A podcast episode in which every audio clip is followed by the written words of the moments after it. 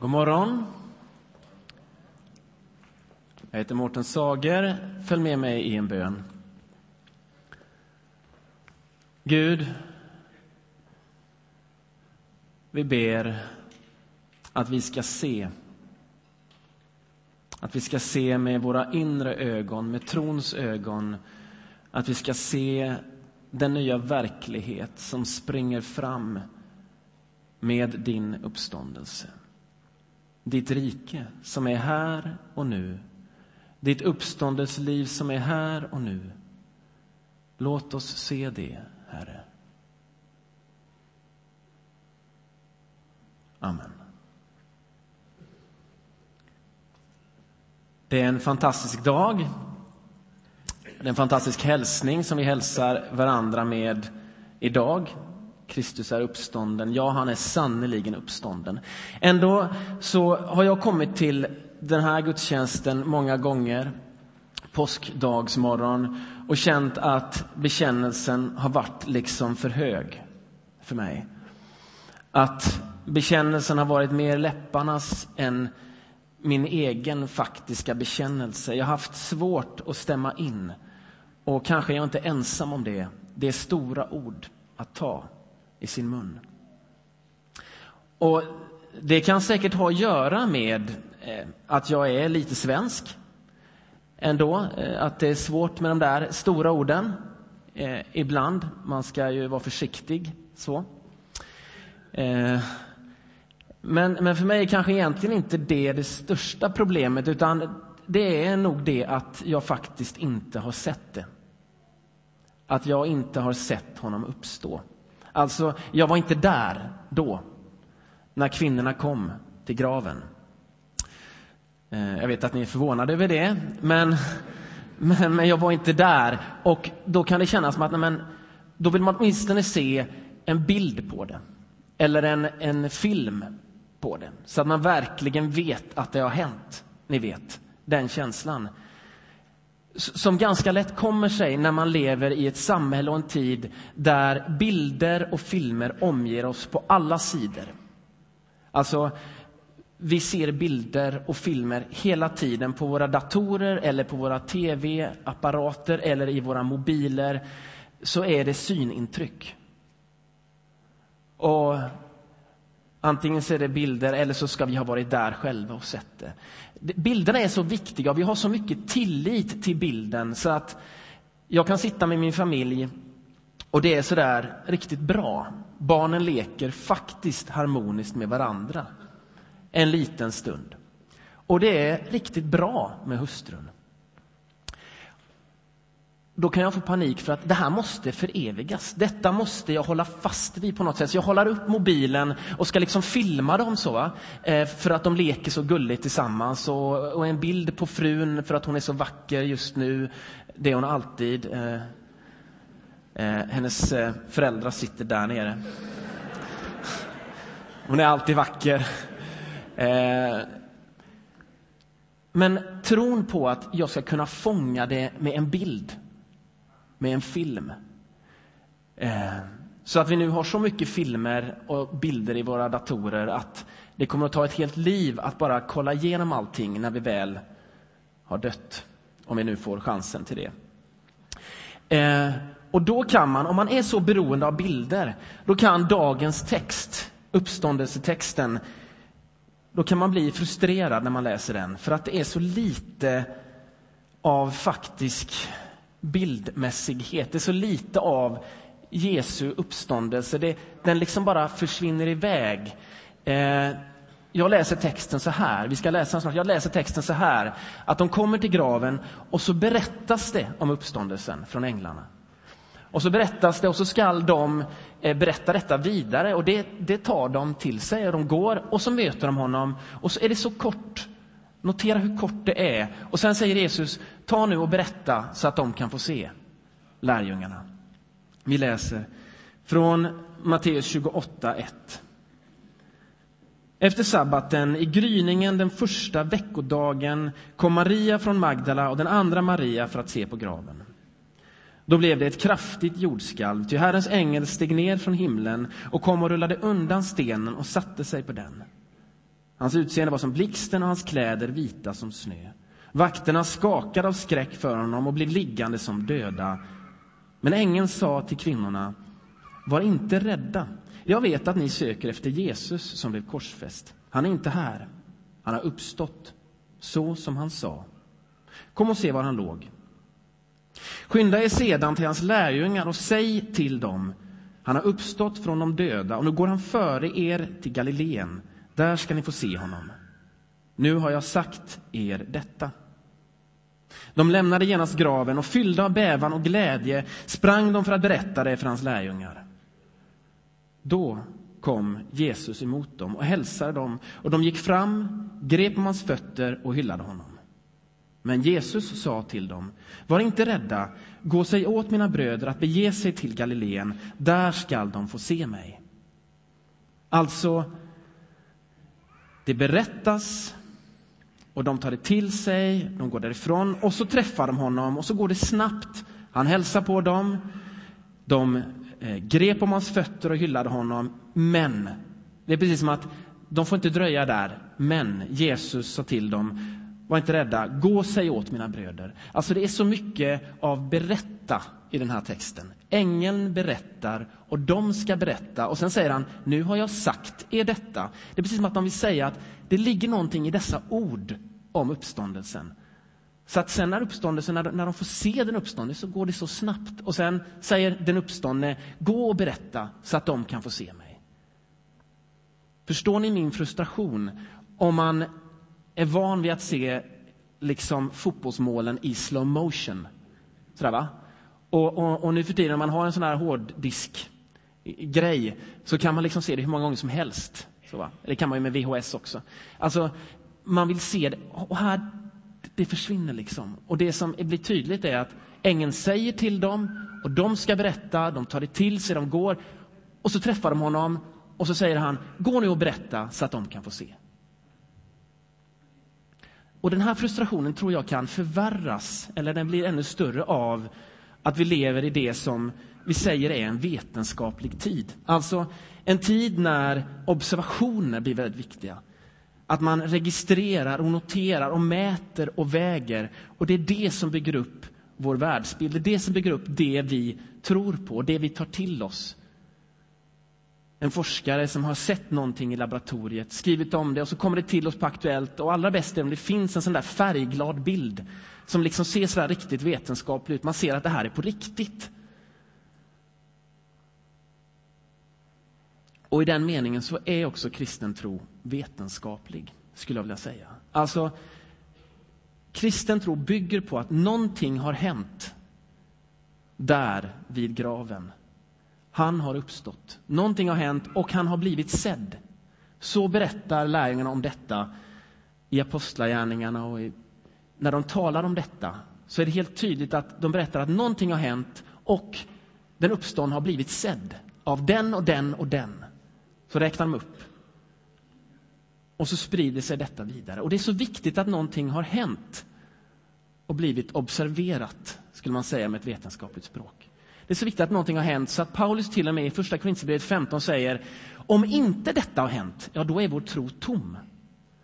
Då är vi ömkliga varelser om inte detta har hänt. Det är så viktigt att det har hänt. Varför är det så viktigt att det har hänt? Varför är uppståndelsen så viktig? Räcker det inte med Jesu liv och korset? Varför är uppståndelsen så viktig? Jo, därför att den är svaret på en gåta gåtan synden. Alltså att Gud skapar världen god.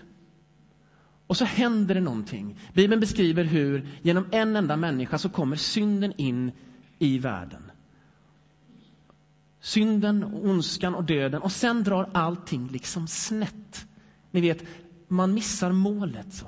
Människor blir sjuka, vi dör. Vi mobbar varandra, vi för krig mot varandra. Vissa människor svälter, andra äter så mycket så att de dör av det. Världen drar snett.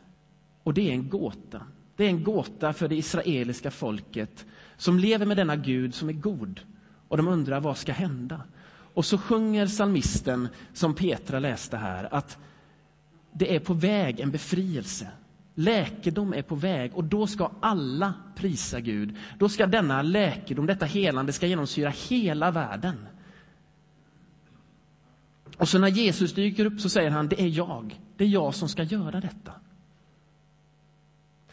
Och han säger, Guds rike är här. Guds rike, det är hans term för att nu, nu förnyas skapelsen, eller himmelriket. Himmelriket eller Guds rike, nu förnyas allting.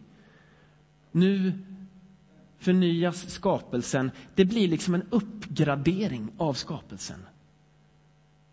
Så att man kommer åt det här viruset som har tagit sig in och som gör att det hackar till. Det ska kapslas in, kapslas in och oskadliggöras. Döden ska oskadliggöras. Och vi ser Guds rike i hur Jesus gör mot andra människor. Han helar människor, möter människor, upprättar människor, vänder på maktordningen. Och det yttersta tecknet på att detta verkligen är här, det är den uppståndne Jesus. Han är den förstfödde i detta nya liv, i denna nya verklighet som är på väg in. Där ser vi det, därför att han har passerat dödens käftar och oskadliggjort döden, så att nu är allting möjligt. Och detta finns mitt ibland oss. Vi ser ju att det inte är överallt ännu. Så, det ser vi. Vi ser att, att det fortfarande drar snett. Men mitt ibland oss så finns uppståndelselivet. Och Jesus säger, det är här. Ser ni att det är här? Och att se den uppståndne, det är att se det livet. Därför så blir det så viktigt att det har hänt. Men frågan är, ser vi det livet?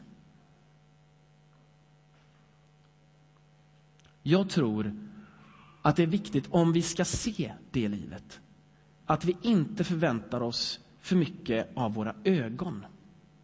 Därför att då ställer vi till det för oss själva. Alltså, jo, vi ska hoppas på att få se stora ting.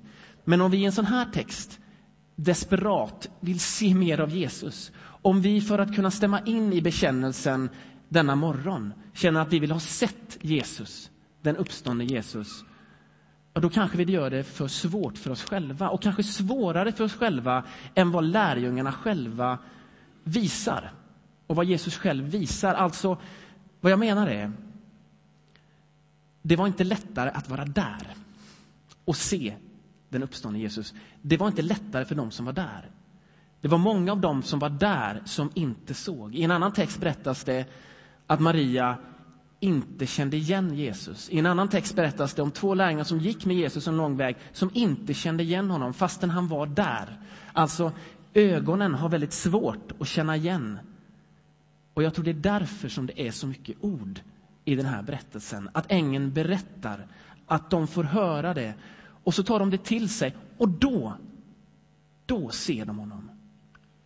Och så säger han till dem, ja nu har ni sett mig, nu ska ni gå och berätta så att de kan få se. Alltså, de behöver berätta så att lärjungarna kan få se. Alltså, vi behöver höra det för att se det. Det är inte så att vi först ser och sen tar till oss bekännelsen. Nej, det verkar som att först hör man och sen ser man. Och de såg med sina ögon. Och vi kommer att se också. Vi ska också bli seende. Då ska vi se honom ansikte mot ansikte. Men nu så tror jag att vi kan få se med våra inre ögon. Att vi kan få märka, att vi kan få erfara och uppleva.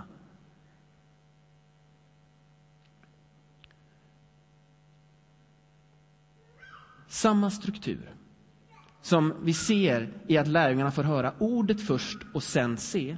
Att de behöver höra om den uppståndne för att se den uppståndne. Precis den strukturen ser vi också i vetenskapen. Låt mig bara återkomma dit eftersom jag är inne på det här med att kristen tro på något sätt går tillbaka på någonting som har setts. Alltså om man tar stora upptäckter så är det ofta inte så att upptäckten är det att någon har sett någonting helt nytt. Det förekommer också. Men minst lika vanligt är att forskare har sett det som alla andra har sett, men bara på ett nytt sätt. Med ett nytt ord, med en ny förståelse. Om vi tar en standardupptäckt som ofta redogörs för till exempel på läkarlinjen. Eh, upptäckten av att magsår orsakas av bakterier. Helicobacter pylori heter de bakterierna. Och för 30 år sedan, ja, där är de. För drygt 30 år sedan så satt Robin Warren och såg Warren i sitt mikroskop och tittade på vävnadsprover från magsår. Och han tittade på dem. Det var inget speciellt med de vävnadsproverna. Många andra hade tittat på de vävnadsproverna och sett det han såg. Alltså det var små svarta grejer. De där svarta grejerna är bakterierna. Och när han ser dem så tänker han tanken, ja men det verkar ju vara bakterier. De ska ju inte kunna vara där.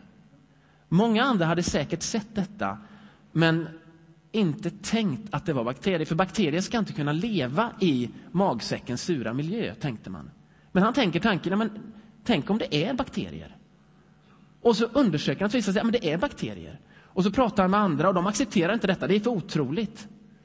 Och så får han en annan som hakar på och så sprider sig detta och så idag så kan man behandla magsår med antibiotika därför att det är bakterier i magen som orsakar magsår. Ni kanske inte har fattat någonting om detta med magsåret, men poängen är att han inte såg någonting som egentligen var nytt. Det var inget nytt framför ögonen, många hade sett det. Men han tänker en ny tanke, ett nytt ord. Precis som i denna text. De får ett nytt ord. Han har uppstått.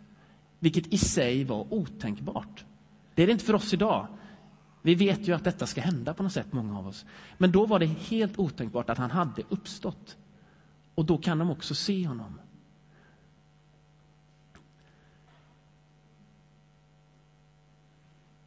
Tar vi till oss orden och förväntar oss att vi ska bli seende, även om vi inte kommer att se själva den uppståndne Jesus, men att få se uppståndelselivet. För det är det som är syftet med hela den här dagen. Det är det som är syftet med Guds aktion här, att installera en förväntan i oss att Guds rike är verkligen här, uppståndelselivet är här. Vad betyder det för dig och för mig? Om vi tar det på allvar. Några exempel på vad uppståndelselivet kan betyda i våra liv. Hon hade levt ganska länge. Och hon visste vem Jesus var. Hon visste att han var inget för henne. Och så börjar hon ändå en alfakurs. En alfakurs är en, kan man säga en introduktion till kristen tro. Och där så börjar hon faktiskt tro att Gud älskar alla. Hon börjar till och med tro att Jesus kan ha uppstått. För det händer ju så mycket i vår värld som man inte kan förklara. Och så är hon där på kursgården. Och så har kursledarna sagt att vem som helst kan få ta emot den heliga anden. Vem som helst kan få del av det nya livet, uppståndelselivet. Och så ställer hon sig upp och så tänker hon tanken att ja, men Gud älskar ju alla. Men så tänker hon också tanken att men om jag kommer, då vänder han sig nog bort. Han vill nog inte ha med mig att göra. Ja, han älskar alla, men han vill nog inte ha med mig att göra. Och när hon har tänkt den tanken, när hon har tänkt den tanken, när de orden har snuddat vid henne, så inser hon att det är ju löjligt. Så kan det inte vara. Det är klart att om han älskar alla så älskar han henne också. Och så är det någonting som klickar till i henne. Och så tar hon emot. Och så är det där. Och så är hon seende. Hon har inte sett den uppståndne Jesus, men hon är seende. Hon är där med Guds rike. Guds rike är där med henne, så nära. För att hon har tänkt orden och litat på orden.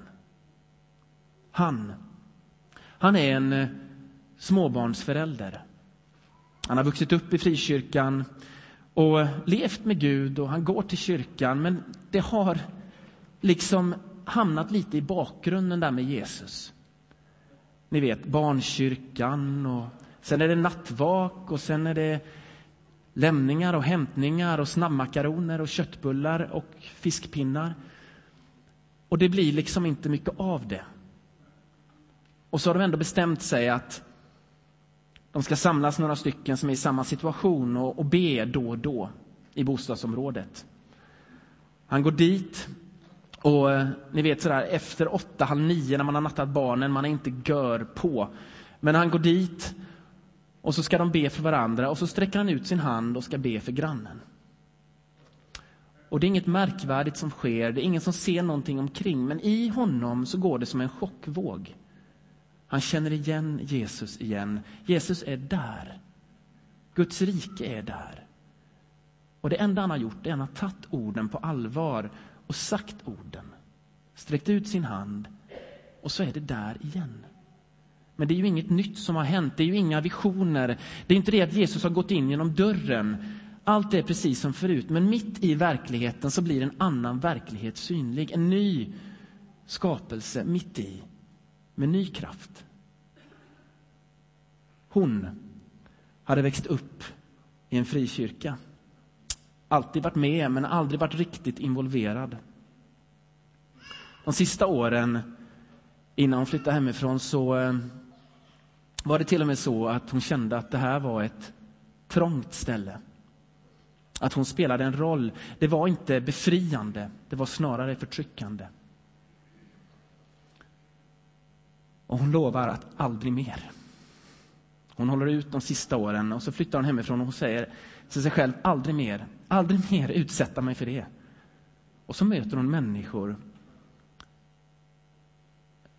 När hon är hemifrån, hon är, hon är bortifrån, så möter hon människor som säger församlingen, det är där livet finns, där bor Jesus. Och hon förstår inte vad de pratar om. Hon förstår inte vilken församling de talar om.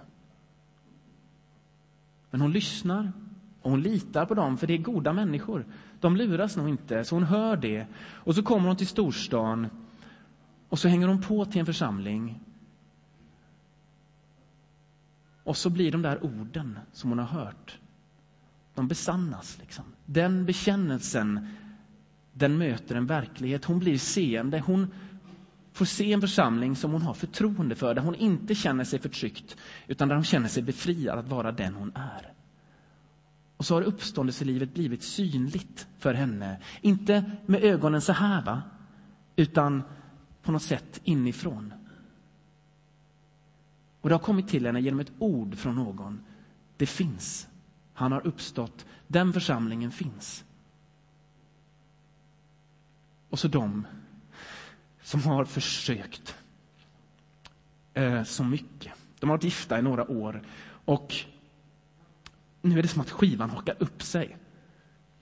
De kommer in i samma återvändsgränd hela tiden. Vad de än gör. Det liksom hamnar på samma ställe hela tiden. Och Det känns som att det här är ju hopplöst. Det går ju inte. Vi har ju försökt nu. De har gått i terapi. Och så säger hon, ja men vi ber. Efter många timmars samtal. Och så gör de det. Och där i den bönen så snuddar tanken vid honom att men han har ju uppstått. Kristus har ju uppstått. Och då är ju egentligen allting möjligt. Han, hans kränkthet är ju inget mot min kränkthet. Och så öppnas en liten dörr på glänt. Ja, men vi kan göra ett försök till. Vi kan göra många försök till, för vi vill ju båda detta. Det blir liksom en väg framåt. Och så har de sett någonting nytt. De vågar se framåt. Det är inte någonting som har hänt. Jesus har inte gått in genom dörren, men uppståndelselivet är där. Nya möjligheter är där. Därför att han snuddar vid tanken på att ja, men han har ju uppstått. Då är ju egentligen allt möjligt. Det här sista exemplet jag säger inte att bön fixar alla äktenskap som är jobbiga. Jag säger inte att det är enkelt. Jag säger inte att man ska acceptera mycket kränkthet som helst, bara så ni vet. Alltså det här är några exempel på hur Gud öppnar en dörr för några människor. Några vittnesbörd. Det finns ingen automatik i detta. Det är inte så att orden absolut och alltid gör att dörrar öppnas. Det är inte så. Men det finns vittnesbörd om att det är det som händer. Kvinnorna i den här berättelsen de får höra att han har uppstått och då ser de honom. Och Då får de reda på att de ska gå vidare och berätta så att andra ska få se honom. Kanske är det inte så att du måste ha sett för att kunna stämma in i den bekännelse vi har idag. Kanske är det så att med den bekännelsen så kan du få se. Alltså först orden och sen synen istället för först att se och bevisa och sen tro på orden. Själv är jag beroende av orden.